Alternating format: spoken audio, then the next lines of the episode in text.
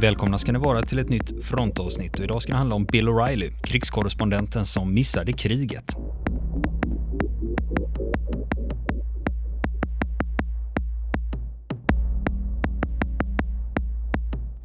Ja du, känner du till eh, Bill O'Reilly? Om jag känner till Bill O'Reilly? Ja. ja. Jo då, de, denna tomte på, som inte längre är kvar på Fox men som var deras stora ansikte utåt. Mm. Eh, finns det mycket att säga om. Ja, eh, för er som inte känner till honom, han, han har jobbat på Fox mm. News som är, ganska, ja. som är en konservativ mm. eh, tv-kanal. Väldigt, väldigt politiserad kanal. Väldigt politiserad. Den står väldigt nära Republikanska partiet mm. i, i sina åsikter. Och en del, har, eh, en del bedömare säger då att man har det som motvikt till de superliberala CNN. Just det. så det är ofta så man säger att ja, CNN på ena sidan som kliar demokraterna på ryggen och, och springer deras ärenden ja. och sen har du Fox News då som står för de republikanska ja, värderingarna. Just det. det är ju roligt att på Fox News, det är ju Simpsons kanal. Ja, ja men därför man, jag, jag, jag, får ofta förklara det för folk när, man då, ja. när de väl får lära sig om Fox News, hur de jobbar. Och de bara, men herregud, men ja. jag tittar ju på Fox. Jo, men du får göra skillnad på, det är ju en, det är ju ett, ett, ett, ett tv-bolag mm. va. Mm. Eh, så att eh, förvisso har de Simpsons bland annat, men sen har du ju Fox News då, å andra mm. sidan, som eh, står väldigt långt till. Där hade, man ju, där hade man ju ganska länge ett stående skämt i Simpsons. Då det här att Ja men det, det måste ju vara sant för att det, det sa de ju på Fox.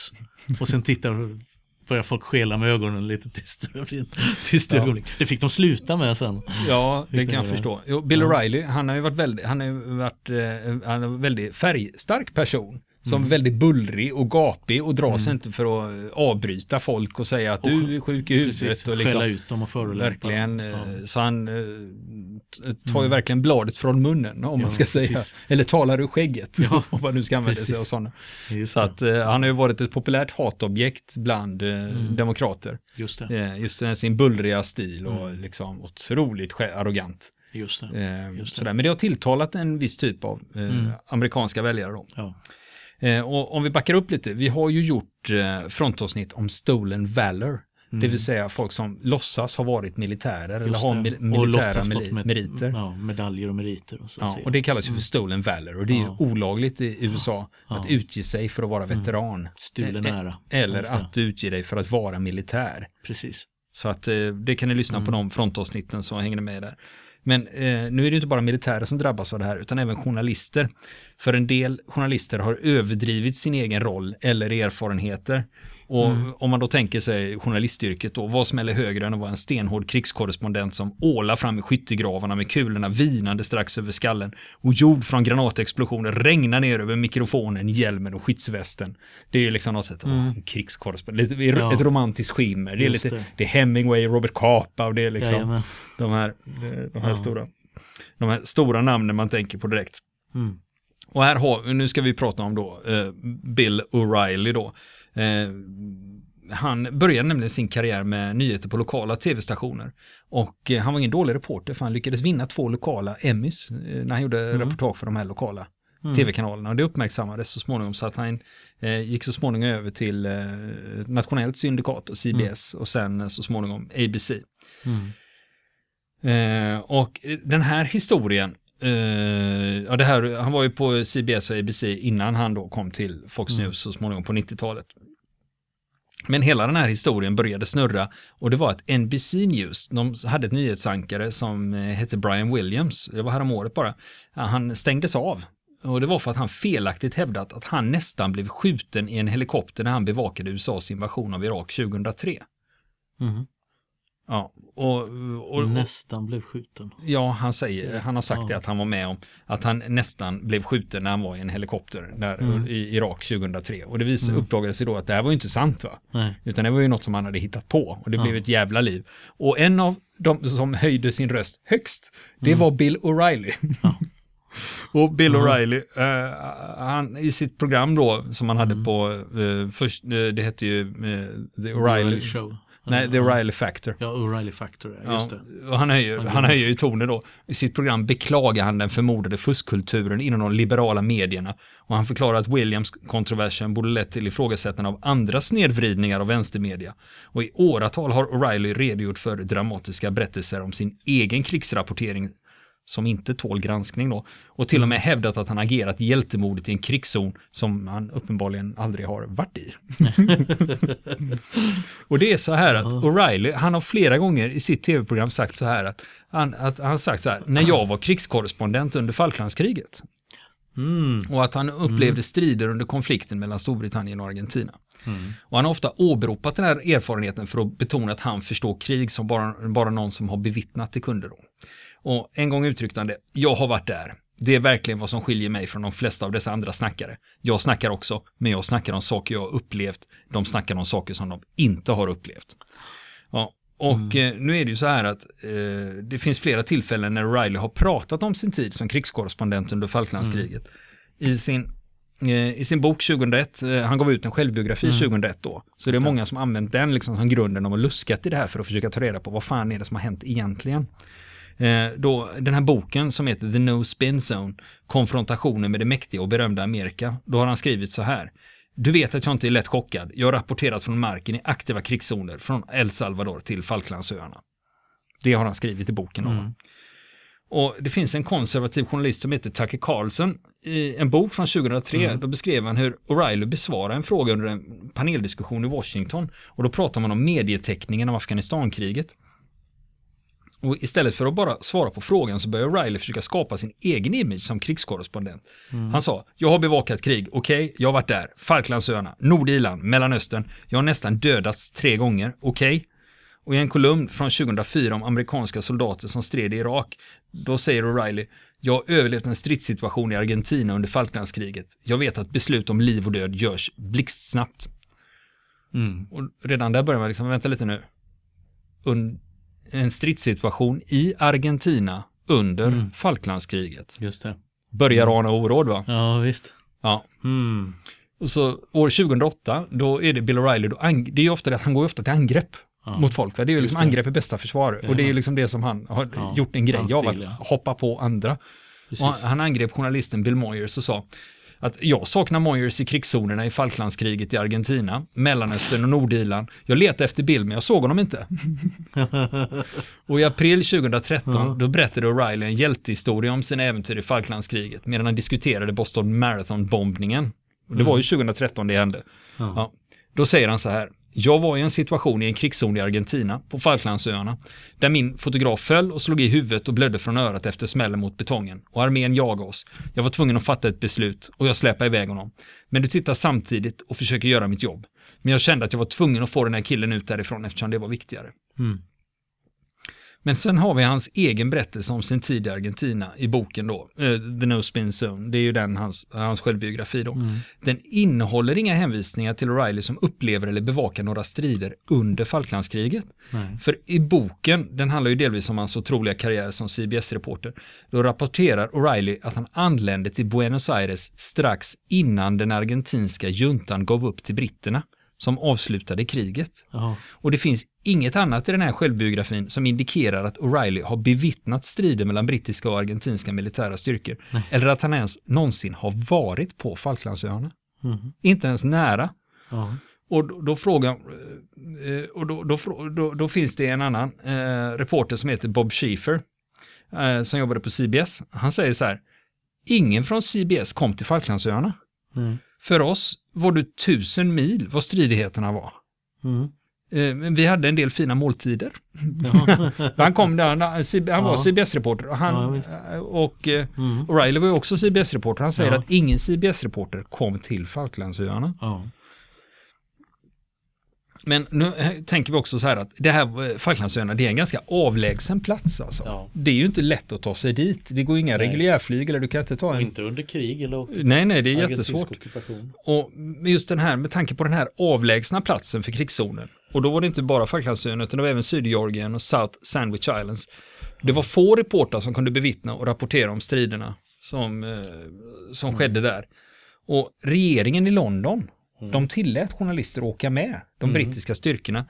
Men det var bara 30 brittiska journalister, inga fler, som fick åka med. Va? Och det var de som bevakade kriget. Ingen amerikan. Eh, eh, och Carolyn Wyatt, hon var BBCs försvarskorrespondent då. Hon sa, det var ett krig där en liten grupp korrespondenter som seglade med Royal Navy nästan var helt beroende av militären, inte bara för tillgång till konflikten, utan också för att få tillgång till tekniken för att kunna skicka hem grejer. Mm. Så de var ju inbäddade reportrar. Precis, Ja. precis. Och en av dem som har nämnt förut, eh, Robert Fox, han, eh, han var ju där, brittisk journalist eh, under kriget. Mm. Han, han säger så här, vi var totalt cirka 32 till 34 akkrediterade journalister, fotografer, tv-folk. Vi var alla vita, män och brittiska. Det fanns ingen inbäddad reporter från Europa eller USA. Även om de försökte så kom de inte med. Och absolut inte någon från Latinamerika. Mm. Utan vi var, vi var 30 britter. Mm. Och, vi var, så, Ja. Ja. Och då var det så här att amerikanska reportrar, de var inte på marken eh, i den här avlägsna krigszonen. Ingen kom till krigszonen under Falklandskriget. Och det är, den som säger det, det är Susanne Serinsky. Hon har jobbat som eh, producent på CBS News. Mm. Och hon hjälpte till att hantera kanalens bevakning under kriget. Och det gjorde man från Buenos Aires då, Mm. den argentinska huvudstaden. Och hon kommer inte ihåg riktigt vad O'Reilly gjorde under sin tid i Argentina, men hon säger att militärjuntan hindrade amerikanska reportrar från att nå öarna. Det tilläts inte av argentinierna. Det tilläts inte av den argentinska regeringen. Ingen från CBS kom dit. Nej. Och CBS News huvudkorrespondent eh, eh, som täckte Falklandskriget, han heter ju Bob Schiefer. Han, han repeterar samma sak som alla andra säger. Ja, men ingen från CBS kom till Falklandsöarna. Jag kom nära och jag, jag försökte och försökte och vi hade försökt att få någon dit. Det var helt omöjligt. Och han berättade att NBC News-reportern Robin Lloyd, han var den enda amerikanska tv-korrespondenten som lyckades nå öarna. Och jag kommer ihåg det, för jag fick fan för det. Han kom dit och vi försökte alla komma dit. Och nu var det så med Lloyd, när vi säger eh, om man ska kalla honom för krigskorrespondent eller inte, det om man nu ska svänga sig med sådana termer. Det var så att Lloyd berättar att han har lyckats övertyga den argentinska militären för att låta honom besöka Port Stanley, huvudstaden på Falklandsöarna. Men han tillbringade bara en dag där. Och det var veckor innan de brittiska styrkorna kom och striderna började. Så det var i och för sig en amerikansk reporter som kom till Falklandsöarna under den argentinska invasion, eh, ockupationen. Men han bevittnade inga strider. Nej. För det gick ju en månad från det att de Mm. kom dit den 2 april och sen efter en månad, då kommer britterna dit och då det. började det hända grejer. Just Så under en period så hände det ju ingenting. Nej. Men det. nu, nu kommer vi till vad är det O'Reilly då har upplevt. Mm. Jo, det är så här att O'Reilly, han såg faktiskt en del grejer i Argentina, men det var inte krig. Han skriver i sin självbiografi att strax efter att han kom till Buenos Aires, där hade CBS News satt upp en stor redaktion på Sheraton-hotellet. Då gick tusentals argentinare ut på gatorna, för de var arga på militärjuntan för att de hade kapitulerat till britterna. Mm. Och han berättar i sin bok att då var han 32 år. Eh, då står det så här att ett stort upplopp följde och många dödades. Jag var i mitten av det och dog nästan av en hjärtattack när en soldat som stod ungefär 10 meter bort pekade med sitt automatvapen direkt mot mitt huvud. En kameraman trampades ner, journalister slogs ner och jag och andra tårgasades. Och efter ett par timmar av detta pandemonium lyckades jag komma tillbaka till Sheraton med de bästa nyheterna jag någonsin sett. Det här var våldsamt, nära och personligt. Det var en viktig internationell historia. Mm. Och resten av bokens avsnitt om det här, det är en förbittrad berättelse av hur O'Reilly blev överkörd. För CBS använde O'Reillys bästa filmade material, men creddade till en annan reporter. Mm. Så O'Reillys namn förekom inte ens i rapporteringen. Ja. Och då skriver han så här. eh, Att jag stack från Argentina snabbt, jag landade i Miami och ställde till med en cirkus på CBS-kontoret där. Och strax efter det så lämnade han CBS och tog ett ankar och reporterjobb i Boston. Och Schiefer som var chef då för CBS-kontoret nere i Buenos Aires, han berättade att han och andra CBS-reportrar också bevakade den här protesten, som han kallade det. Ja. Och att allt insamlat material den dagen sammanställdes för inslaget. Så de klippte från, det var flera reportrar som varit ute och sen klippte de ihop det till något som var sändningsbart och sen, sen skickade de in det från redaktionen då. Ja. Och där ingick bland annat O'Reillys material då.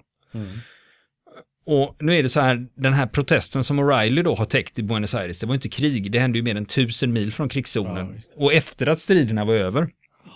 Och eh, O'Reillys berättelse om protesten i Buenos Aires, den står lite i strid med nyheter från den tiden, inklusive rapporten från hans egen byrå, CBS Evening News. Den natten de flyttade, de, de flyttade om en minuts video av protesten, tydligen inklusive några av de bilder som O'Reilly hade varit med och tagit tillsammans med sitt mm. kamerateam. Och de här bilderna visar arga, arga argentinare som skriker och fördömer juntan som har förlorat kriget. Och den enda våldshandlingen på platsen var en man som slog på en bil med kanadensiska journalister. Och i segmentet så rapporterar Schiefer, det förekom gripanden hela dagen. Polisen hotade att använda tårgas vid en tidpunkt. Flera nordamerikanska tv-team knuffades runt. En kamerabil från ABC stenades innan besättningen flydde. CBS-rapporteringen sa ingenting om att människor dödades och det matchar inte O'Reillys dramatiska karaktärisering av händelsen i sin bok. Och videon på den här sändningen visar inte någonting som var våldsamt nära och personligt. Så det verkar Nej. som O'Reilly har skruvat upp vad, ja. vad faktiskt det var högar av döda som mm. blev ihjälskjutna av militären. Ja. Och det finns ju rapporter från den här protesten, ja. från andra medier som var mm. där. Och, eh, den har, och den här protesten, det har arkiverats av reportrar från New York Times och Miami Herald och UPI. De noterar och skriver så här att tusentals tog till gatan, de satte igång bränder, krossade affärsfönster och att kravallpolisen kämpade mot demonstranter som kastade stenar och pinnar. Och de säger att tårgas användes. Och polisen klubbade människor med batonger och avfyrade gummikulor. Och reportrar blev överfallna av demonstranter och av polis och en fotojournalist blev sårad i benet av skottlossning. Men dessa nyhetsredaktioner rapporterar inte som O'Reilly hävdar att det fanns dödsfall. Och New York Times noterade, flera demonstranter rapporteras ha blivit skadade tillsammans med minst två reportrar. Mm. Och under en intervju från 2009 med en tv-station i Hamptons, då talade O'Reilly om att han rapporterade om Buenos Aires-protesten som han hävdade att andra CBS-journalister var alltför rädda för att täcka. Jag var där ute ganska mycket av mig själv för att de andra CBS-korrespondenterna gömde sig på hotellet. Men Schiefer, som var chef där på redaktionen, han säger vi var alla ute med våra kamerateam den dagen för att bevaka protesten. Jag hade varit ute med ett kamerateam också. Mm. Så att eh, de säger emot ja, varandra här va. Ja, O'Reilly berättar ju då att soldater sköt ner folk på gatorna med riktiga kulor. Och han berättade för att han skulle rädda sin sydamerikanska kameraman. Han hade trampats ner av folkmassan. Kameran flög iväg. Jag räddade bandet från kameran eftersom det var ett otroligt band. Men jag släpade honom av gatan för att han blödde från örat och han hade slagit huvudet i betongen. Ljudteknikern försöker rädda kameran. Och då kommer armén springande ner och killen där pekar med sin M16 och säger och jag säger till honom, periodista, no despare. Och det betyder journalist, skjut inte. Och så säger jag por favor, var snäll och skjut inte. Och då sänkte killen sitt vapen och gick iväg. Mm. Så det, det, är antagligen den incidenten han ja, pratar om då. Men nu är det ju så här, protesten i Buenos Aires, det var ju inte strid. Nej. Och inte heller var det en del av Falklandskriget. Och det var mer än tusen mil från kriget och striderna var över. Ändå har O'Reilly hänvisat till sitt arbete i Argentina och hans räddning av kameramannen som hände i en krigszon. Och han berättade en gång för en tittare i Argentina som såg Rileys show. Berätta för alla där nere att jag bevakade Falklandskriget. De kommer ihåg. Och nu är det så att O'Reilly, han har ofta presenterat sig som en krigshärad journalist. Och han har besökt amerikanska trupper som tjänstgjorde i Irak och Afghanistan och rapporterat från dessa länder. Och det, det är ju sant va? Ja. Det ju, han har ju varit i Irak mm. och han har varit i Afghanistan. Ja, och det är ju länder mm. där det, det, ja. det förekommer krig. Men det är Falklandskriget han pratar om hela tiden. Ja, det, det, han använder ofta det för att ge lite tyngd om hur, hur, länge han har varit med. Va? Mm. Uh, och Irak och Afghanistan, att ibland får man inte glömma det, att bara vistas i mm. den typen av länder medför risker. Just det. Så det är ju inte, det är ingen, Nej, det är ingen utflykt va. Även om du precis. kommer dit som inbäddad reporter och är med de amerikanska styrkorna Sant. i Irak och Afghanistan. Så att det, ja. det, det är ju sant. Det mm. har ju hänt va. Och då är frågan, kan man kalla sig för krigskorrespondent då? Mm. Ja, han har varit där och rapporterat om ett krig mm. förvisso. Mm. Men det är ofta det att han drar upp det där med sitt uppdrag i Argentina för att förstärka intrycket då. Och i sin tv-show 1999 då svarade O'Reilly på ett brev från en pensionerad flygöverste som sa att han hade flugit 123 uppdrag över Vietnam och som kritiserade O'Reilly för att stödja militära ingripanden i Kosovo. Och det gjorde han genom att citera sina upplevelser i Falklandskriget. Hej överste! Har du någonsin haft en fientlig M16 riktad mot ditt huvud från 10 meters håll? Det hände mig när jag bevakade Falklandskriget. Mm. Ja, och sen mm. 2013 så ger han ut en bok som heter Keep it pithy. Då mm. skriver han då skriver han så här. Jag har sett soldater skjuta ihjäl obeväpnade civilister i Latinamerika. Och det var under sitt radioprogram den 13 januari 2005. Då förklarar han. Jag har varit i strid och jag har sett det, jag har varit nära det. Och när det var en uppringare som ifrågasatte honom om det, då sköt Riley tillbaka. Jag har varit mitt i ett par eldstrider i Centralamerika och Sydamerika. O'Reilly angav inte var de här eldstriderna inträffade. Det enda Sydamerikauppdraget han skriver om är hans resa till Argentina. Och sen Mm. eh, var det en person som ringde in och frågade om det här. Mm. Då lägger han på luren. Mm. Men i hans självbiografi, eh, The No Spin Zone, då skriver O'Reilly om ett uppdrag som tog honom till El Salvador. Mm. Och, och det var ju under landets inbördeskrig. Så han var ju faktiskt ett land där det pågick ett inbördeskrig. Det. Och det var strax efter att CBS News anställt honom som korrespondent och det gjorde de 1981. Och som O'Reilly påminner om i boken, då står det så här att han och hans team körde en hel dag för att nå Morazan-provinsen och det var en farlig plats, står det i boken. Och det ledde till en liten by som heter Manguera och där var det en gerillakapten som hävdade att gerillan hade rensat stan. Och ingen med förståndet i behåll skulle in i det gerillastyrda området, skriver O'Reilly. Men han gjorde det och han noterar att han hittar en skrämmande scen där. Platsen var jämnad med marken och det rök fortfarande efter bränderna. Men även om blodbadet hänt nyligen såg vi ingen levande eller död människa. Det var absolut ingen som kunde berätta vad som hade hänt. Jag gjorde snabbt en stand-up mitt i ruinerna och sen stack vi därifrån. Han nämner inte något om att vara i någon eldstrid. Och en stand-up, det Mm. vi i Sverige kallar vi det för en ståuppa. Det är när reporter står, på, står rätt, kameran. rätt upp och ner och Mm. pratar framför kameran. Då.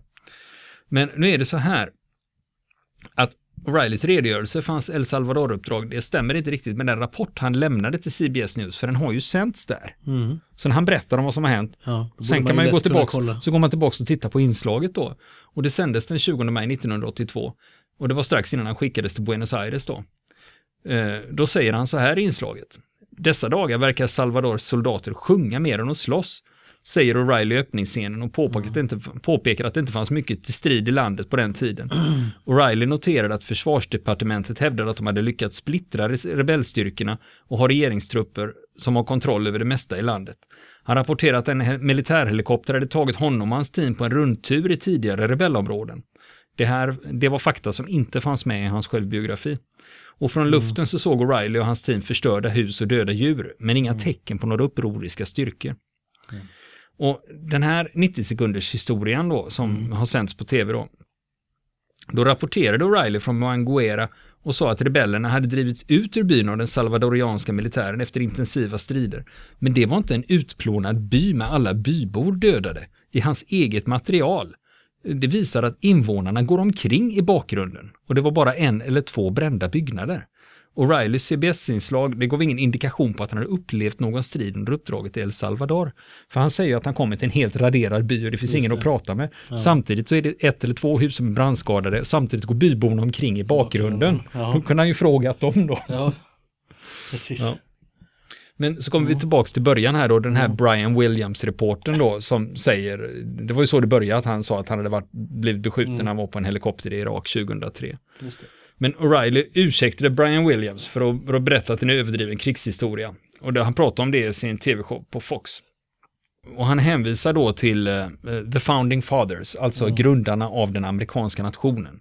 De sa till, eh, de hade sagt till, de menar då att de säger till media att vi ger dig frihet, vi skyddar dig mot regeringens intrång, men i gengäld måste du, pressen, vara ärlig. Så det, man erkänner i alla fall att han hade gjort lite fel. Men det var det där om O'Reillys krigserfarenheter. Eh, sen dess eh, har det tyvärr skett fler grejer.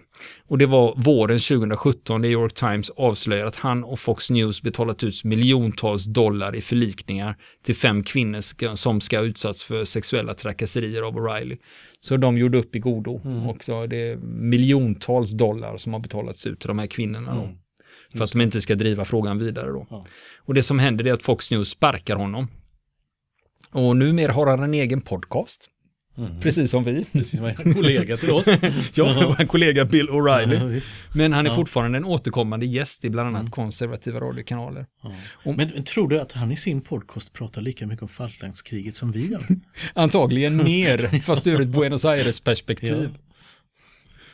Så att eh, vi kanske har ytterligare. Han var ju ändå där i Buenos Aires Ja. efteråt. Men det, men det är intressant. Det, det här sticker ju iväg lite grann från det rent eh, krigshistoria och blir nästan in på det politiska. Men man kan ändå, eh, man kan ändå fundera kring en sån person som är en, en stjärna på en så stor eh, tv-kanal eh, som Fox är med så stort infly, politiskt inflytande som den har haft och har.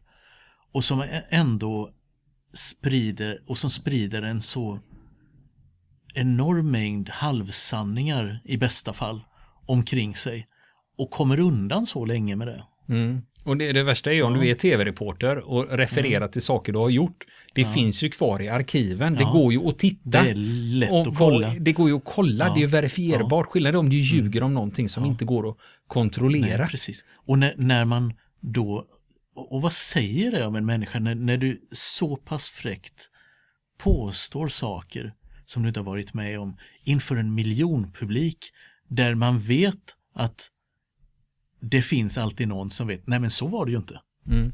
Men, men, han, men det finns en lurig grej i det här och det är hur man uttrycker sig. För jag, jag tänkte på, eh, jag, jag, jag reflekterar över en sak eh, eh, när, under Balkankrigen, när Staffan Heimersson rapporterade. Ja. Och han avslutade alltid, han berättade vad som hade hänt i Bosnien och så vidare och refererade till de olika städerna som vi alla känner namnet på numera. Och så avslutade han alltid, Staffan Heimersson, Wien.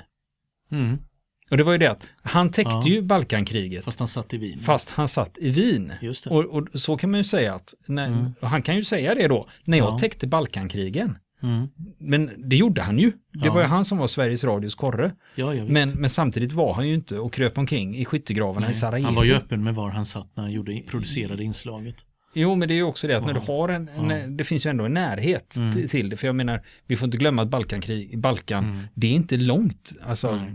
Från Wien Mm. och sen ner till Balkan. Va? Så han är ju Mm. ändå i grannlandet, va? Mm. om vi säger så. Ja. Men då måste man säga Philip Knightleys berömda bok Krigets första offer är sanningen.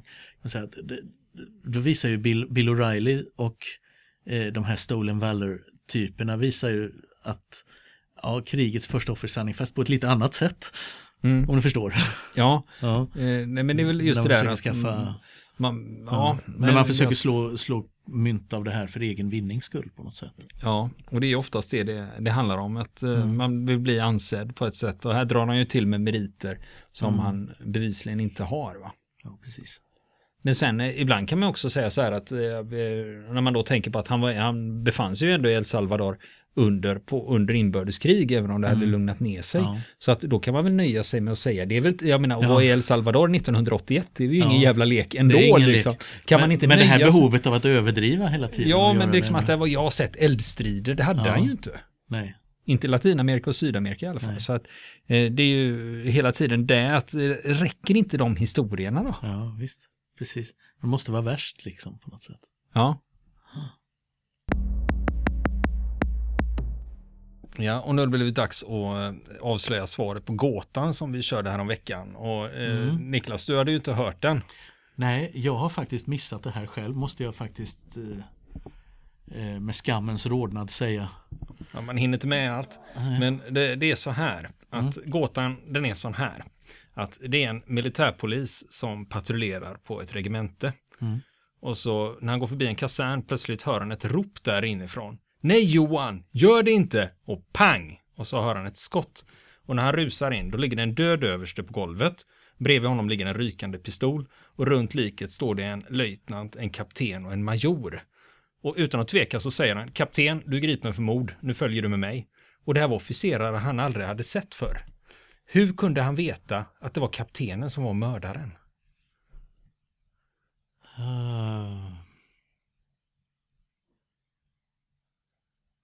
Det retliga med sånt här är att det ofta är skrattretande enkelt när svaret kommer. Ja, vi har fått, Mm. det är flera som har skickat in eh, svar på det här. Ja. Och en hade väldigt fiffig, eh, fiffigt svar som inte är det korrekta. Mm. Utan det var så här, ja men de var ju officerare, de har ju namnbrickor på sig. Åh. Ja, men det var faktiskt inte det vi for efter. Nej. Vill du ha en Ja, liten jag får- sekunds betänketid eller? Jag vet, du kan nog ge mig en timmes betänketid. Jag kommer nog ändå inte på Ja.